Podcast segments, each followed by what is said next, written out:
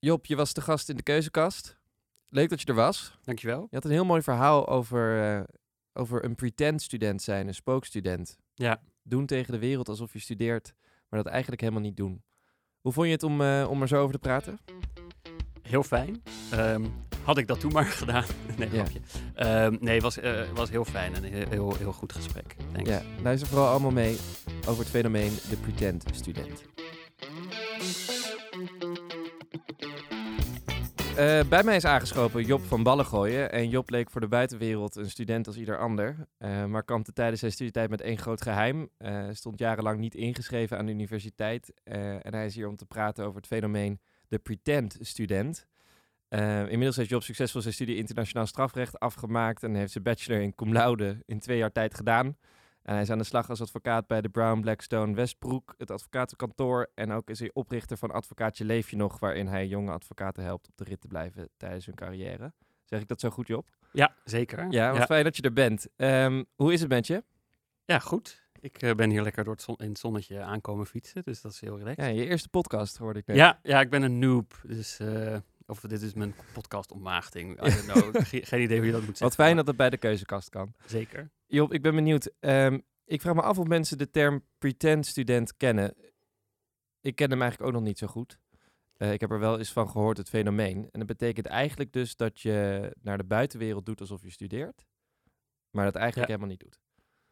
Ja, klopt. Ja, volgens mij gaat ook nog de term spookstudent. Spookstudent, Rond? dat is inderdaad, misschien is die nog wel wat bekender. Dat inderdaad, die spookstudent heb ik ook wel van gehoord. Ja, Die ook nog bij verenigingen rondhangen, maar eigenlijk al lang niet meer echt studeren. ja, en dat klinkt dan ook meteen weer heel eh, griezelig. Ja. Maar ehm, ja, en dat is Zo eng ben je niet. in het echt eh, valt het allemaal best wel mee. Maar het was niet, ja, het was op zich wel een vervelende tijd. ja. Maar ehm, ja, ik weet niet of er nou ook een officiële definitie aan hangt. Eh, Nee, maar misschien kunnen we door het gesprek te voeren een soort definitie ervan maken. Ehm, Ik ben benieuwd. Jij was begonnen als gewone student. Dat is een, tijd terug inmiddels alweer, want ik, ik las net al voor. Je bent inmiddels een succesvolle carrière aan het doen. En of tenminste, dat lijkt zo vanaf op, op je... LinkedIn. Op eh, LinkedIn, ik wou net ja. zeggen, de LinkedIn die ik gestald heb, daar zie ik hele mooie dingen voorbij komen. En Ja. ook andere jonge advocaten aan het helpen eh, Ja. met eh, doelen vormen en wat ze willen ehm, in de advocatuur. Dus dat klinkt allemaal heel erg mooi, maar zo was het niet altijd en zo leek het ook niet te gaan eindigen. Nee, klopt. Waar begon dit verhaal? Want je studeerde wel eerst, toch?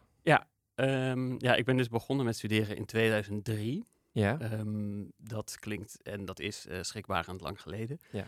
Ehm, en ja, je gaat natuurlijk niet studeren met het idee van, goh, ik ga zo meteen even ehm, bijna twee masters eh, bij elkaar liegen, eh, terwijl ik nog maar tien studiepunten heb. Dus niemand begint met dat idee te liegen. Sterker nog, ik denk dat, dat als je dat idee hebt, dat je het dan niet zou doen. Je begint gewoon met een heel klein iets. Ehm, maar daarvoor, eh, ik begon met geneeskunde. En ik had het idee ja, dat ik dat heel graag wilde doen. Ik was heel erg fan van de televisieserie ER. Ehm, ik ook. ja, dus dit was echt mijn life dream.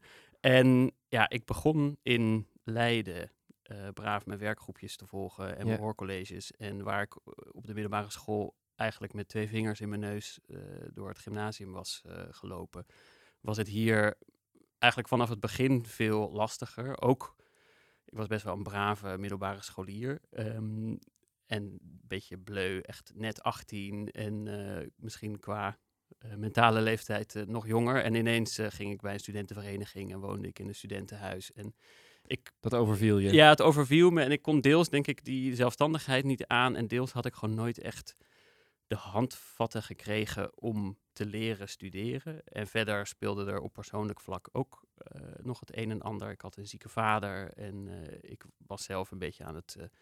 dat klinkt dan eh, volgens mij zo eh, aan het worstelen met mijn seksualiteit. Maar eh, lees, ik was gay en het was 2003 en ik zat bij het koor. Ja, je was er niet uit de kast gekomen, of wel? Nee, nee. Nee. Ehm, maar gek genoeg deed ik dat halverwege mijn tweede jaar wel. Dus daar had ik minder moeite mee dan vervolgens het over mijn studieresultaten hebben. Dus dat is nog een beetje Ja, dus jij had meer stress en angst rondom je, je studie die niet aan het lukken was dan uit de kast komen binnen het koor. Ja. Ja. Ja. Hey, en nou ja, dus de, de studie werd lastig eh, om vol te houden. Ehm, Ja.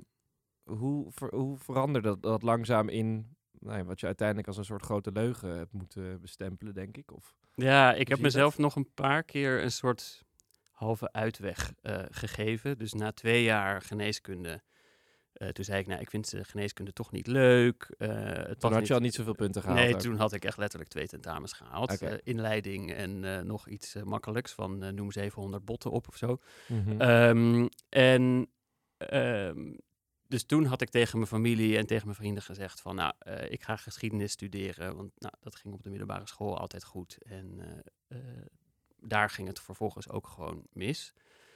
Dus dat was eigenlijk een beetje de, de ja, dat is ook wel eh, stom, omdat ik eigenlijk een gelegenheid voor mezelf had gecreëerd om echt even met de schone lei te beginnen. Ja. En ik had ook echt het idee van, nou, nu gaat het goed. Ik eh, haalde voor geschiedenis alleen maar negens, eh, dus let's go. En toen ging het gewoon meer weer mis. Ehm, en daar ben ik wel gewoon volledig in de eh, sneltrein richting volop liegen gedoken en niet meer uitgestapt. Hoe uitte zich dat, dat volop liegen? Wat, wat betekent dat? Stond je ook echt niet ingeschreven? Of loog je over de tentamens? Of, of Ja, dat. wisten je vrienden dat, je ni- niet, dat het niet lukte? Of Nee, niemand wist het. echt Eh, helemaal alleen was je daar in ja. dat verhaal eigenlijk? Ja, en dat was dus ook echt best wel eenzaam. Ja, eh, een beetje cliché over eh, een open deur, maar...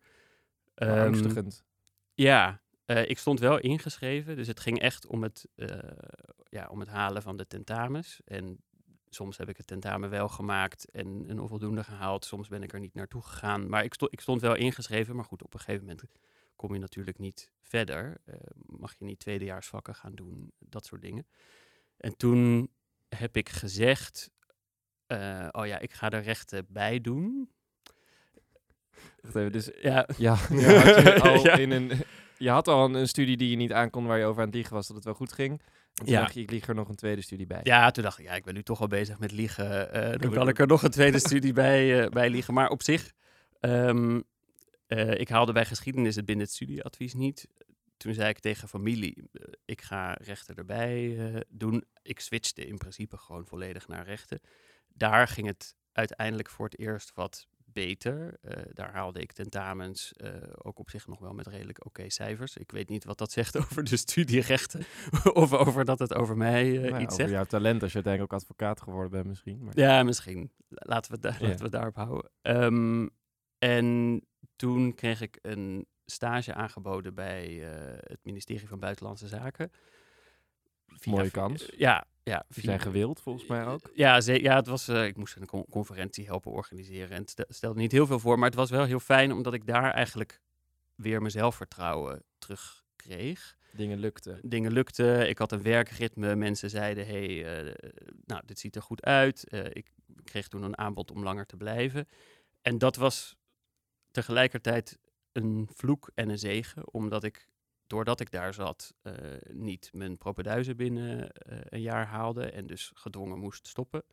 Maar aan de andere kant was het een zegen, omdat ik daardoor zeg maar, mijn, mijn zelfvertrouwen weer terugkreeg. En toen op een gegeven moment wilden ze me nog een keer verlengen. En toen heb ik gezegd, nee, het is, eh, het is klaar. En heb ik een maand op mijn kamer gezeten. Het was januari. Dat was echt de de- meest depressieve maand die ik ooit in mijn leven heb gehad. Na je Ehm, stage, geen studie meer. Ja, niet ingeschreven en staan. vastgedraaid in een leugen waar je niet uit kon Ja, komen. en dus wel het besluit hebben genomen. Ik ga het vertellen, maar elke dag denken, oh, het kan ook morgen, het kan ook morgen. En ehm, nou ja, je vrienden wisten dit niet, je familie wist het niet. En je zit een maand binnen. Wanneer komt het moment dat je na hoeveel jaar trouwens eigenlijk gepretend? Gepretend, ja, dit was eh, in 2010, januari 2010. Nou, ja, dus na Zeven. zeven jaar, maar goed, waar, waar twee misschien nog een beetje soort van wel, maar in ieder geval jarenlang ehm, dit volgehouden te hebben, komt er dus uiteindelijk een, ja, een, een slot aan, een einde. Ja. Hoe, hoe gebeurde dat? Ehm, ja, ik wil hier nu heel graag een verhaal ophangen dat ik zelf wakker werd en eh, determined eh, als de neten was en toen eh, naar mijn ouders ben gegaan. Maar helaas is het een beetje door externe factoren. Ehm, mijn moeder die had mijn bewijs van inschrijving nodig voor een administratief iets. Ehm, en dat kon ik natuurlijk niet geven. Eh, Nee. Toen heb ik nog twee weken lang volgehouden van, nou, is het echt niet aangekomen? En ja, je kent me toch, ik heb zo'n slecht handschrift en misschien dat de post het niet heeft bezorgd. En ik ging toen naar... Maar wat een, wat, een- wat een stress moet je hebben gehad Ja, als je dat nog tegen je ouders ook dan, dan als je het al wil gaan vertellen, maar zelfs dan het nog niet, dat het niet lukt. ja, gewoon echt het, het uitstellen echt tot het aller, allerlaatste moment. En Ja. toen zou ik een weekend langs gaan bij mijn ouders. Mijn vader, of ik zeg ouders, maar mijn vader woonde inmiddels in een verzorgingstehuis. Ehm, eh, daar ging ik langs en toen bij het eten, toen we thuis waren, zei mijn moeder... Oh, eh, kan je misschien even naar eh, je rugzak lopen en ehm, dat bewijs eruit halen? Weet je, voor we het ge- vergeten, anders dan zit je weer in de trein naar huis en is het weer niet gelukt. En toen ben ik ook nog echt naar die rugzak toe gelopen, dat ding nog open geritst. Echt ja, tot het allerlaatste Elke moment. seconde gewoon nog uitstellen dat het Ja, niet Ja. uit zou komen nog. en toen uiteindelijk gezegd, eh, ik kan het niet geven, want ik sta niet meer ingeschreven. En hoe reageerde zij? Ze dacht eerst een half uur lang dat het een grap was. Ja. Dat het, eh, van, hè, ja, gewoon totaal ongeloof. Ja, je, was, je had best een goede leugen volgehouden, dus blijkbaar. Mensen geloofden je wel. Ja, ja, ik, de- ja, ik, eh, Er was niet, dus, waar ik naar zoek is, er was niet al een soort van twijfel. Dat zou je misschien ook nog wel denken, dat je ouders al met je aan gaan voelen dat er iets mis is of zo. Of, of heb je dit toch echt heel goed volgehouden dan? ja, ik denk dat er in zeg maar, mijn stu- studentenomgeving wel mensen waren. Sterker nog, dat, dat weet ik dat ehm, later. la- later hoorde ik dat mijn studentenhuis vermoedens had en dat zij contact met de universiteit hebben opgenomen. Van misschien precies, ja. moet je hier even iets mee. Maar op een hele, ik vind dat, daar heb ik best wel veel respect voor, omdat het op een hele voorzichtige manier is gegaan. Ehm, en ze niet een soort van intervention hebben gehouden. Maar mijn moeder, ja, die natuurlijk op veel meer afstand stond, Ja. woonde niet meer thuis. Ja, die, Veel die andere had- zaken aan haar hoofd. ja, die had totaal geen idee. En ik had natuurlijk wel eh, anderhalf jaar bij Buitenlandse Zaken, eh, ja, iets meer dan een jaar bij Buitenlandse Zaken gezeten. Dus ja, er was Ja. een soort imago van succes. En als je dan ineens zegt, ehm, ja, er is eigenlijk helemaal niks, dan stort er wel iets in. Ze dacht dat het een grap was. Ja. En uiteindelijk realiseerde dat dat niet zo was. Ja. Hoe toen verder? Ehm, ja, een avond eh, huilen en boos en huilen en boos. Eh, Zij of zij, jij ook? Zij en ik. Nou, ik, ja, dat weet ik eigenlijk niet zo goed meer. Ik heb het idee dat ik voornamelijk dacht of voelde, oh, het is eindelijk, eh, ik heb het eindelijk verteld. soort opluchting natuurlijk gewoon. Ja, dus daardoor waren, ja, was mijn positie en die van haar. Mijn, mijn broer was er trouwens ook bij. ehm, die vijf jaar ouder is dan ik. En ik toen voor het eerst in jaren heb zien huilen. Ehm, mijn, onze posities waren heel anders. Want ik, voor mij was het eigenlijk het begin van iets nieuws. Eh, en ik vond die avond natuurlijk wel heel kut. Omdat ik dacht, eh, ja, ik kreeg gewoon allemaal shit over me heen. Ja. En eh, ehm, je hebt mijn moeder nooit ontmoet, maar die kan echt flink boos worden. en daar ben ik mijn hele leven flink bang voor geweest. Ehm, wat misschien ook heeft meegespeeld in dit hele verhaal. Ja. Ehm, en ja, uiteindelijk zijn we denk ik om iets van twee, drie uur s'nachts uh, naar bed gegaan met een soort van, nou, morgen zien we wel weer hoe we verder gaan. Ehm, en de hele tijd vragen van, en, maar was dit dan ook niet waar? En nee, dat was dus ook niet waar. En was dit dan ook niet waar? Nee. Dus ja. Het werd een late avond. ja. En dan word je wakker de volgende dag. De leugen is no more. Mhm. Alles ligt op tafel. Hoe, ga je, hoe pak je de draad dan weer op? ja, ik weet nog heel goed hoe ik die ochtend wakker werd. En dat was ehm, een beetje alsof je wakker werd, wordt en het heeft gesneeuwd. Weet je hoe stil het dan is, zeg maar? Dat Ja. een beetje dat gedempte. Alsof, er, alsof ik jarenlang ehm, al die gedachten, al die leugens, die moest ik continu in de gaten houden. Van heb ik tegen iedereen hetzelfde verteld? Loopt het een beetje? Eh, je moet een heel bouwwerk Ja. onthouden en consistent houden. En dat hoefde niet meer. Het is, ik, ik moet bijna denken aan wanneer bij Wie is de Mol de Mol uiteindelijk ontmasker of wordt en die eindelijk mag zeggen wat hij allemaal Ja, wat- verleugend en dat hij moet liegen tegen iedereen over zijn rol. Ja, en dat, dat houdt dan dus op. Ehm, Ja. En ja, ik, Eh, ik was natuurlijk uh, volop mijn eigen mol uh, Ja. en ik was de enige die, die Je dat wist. saboteerde alleen jezelf. Ehm, Een hele saaie, saaie show. ja, ehm, maar ik, ja, ik denk... eh, dus ik werd wakker met een heel stil hoofd. ehm, en ja, eigenlijk vrij weinig benul van wat er nu eh, verder moest gebeuren. En eh, heel lang heb ik niet van die stilte kunnen genieten. Want op een gegeven moment stond mijn moeder in de kamer met een telefoon. En die zei, eh, en nu ga je al je vrienden bellen. Ehm, dus dat was... Maar dat is dat wel het begin van, van een recovery Ja. en het weer oppakken. Ja.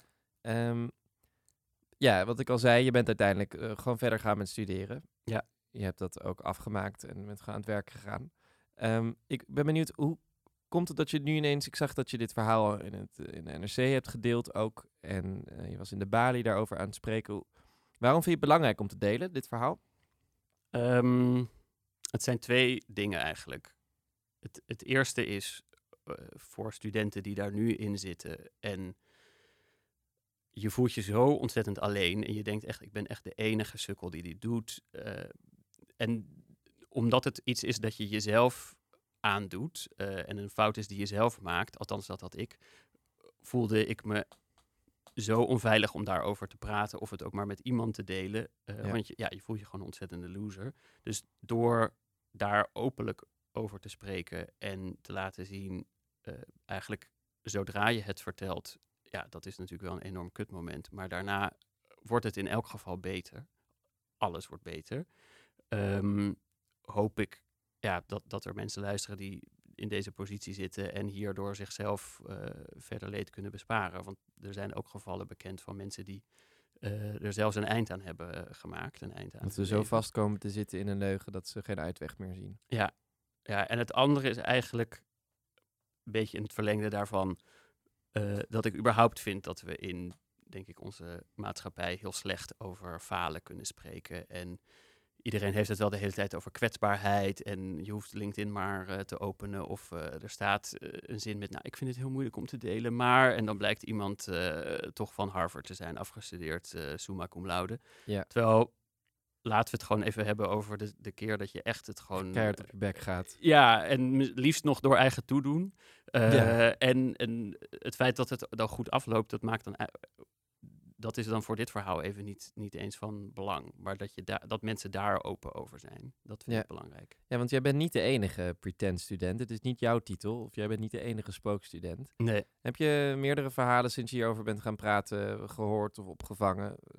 Ja, hoe groot is dit probleem? Heb je daar iets van een Ja, die, zicht op? die statistieken die zijn heel lastig. Ze zijn per definitie Ja. lastig, omdat iedereen erover aan het liegen is ja, natuurlijk. het zijn de, de known unknowns. Ja, Ehm, precies. Maar, ehm, en, en daardoor wordt de discussie ook altijd heel lastig, omdat het vaak dan over langstudeerders gaat, wat echt wel weer een ander Ja. probleem is. Ehm, maar ik heb wel veel reacties gekregen, ook eh, ja, toen na dat stuk in NRC, van eh, goh, eh, ik heb het meegemaakt, of mijn zus of broer of Ja. zoon of dochter.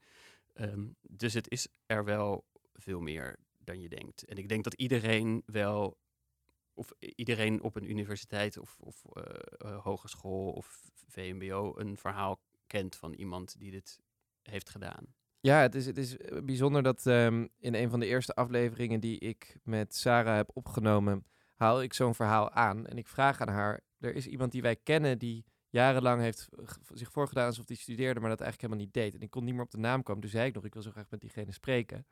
Ehm, maar dat, dat was jij niet. Nee. dat was iemand anders. Maar het is bijna een, eenzelfde soort verhaal in ieder geval. En toen kon ik me herinneren dat ik dat ooit gehoord had. En toen kwamen we maar niet op de naam. En dat hebben we nog steeds niet gevonden. Maar meer van, wij kenden ook al iemand. En Ja. daar, wil, dat, daar waren we toen al geïnteresseerd in. Omdat, ehm, ik sprak ook net nog even hier op de redactie. Dat, dat iedereen zei, ja, we kennen allemaal wel iemand die dit in een zekere mate in ieder geval mee. Want er zijn natuurlijk ook gradaties in. Ja. weet Je, je hebt misschien wel een heel extreme versie ook. Dat het zo lang duurt. Maar misschien wel dat je nog een master probeert te doen. En het eigenlijk gewoon niet meer, niet meer lukt.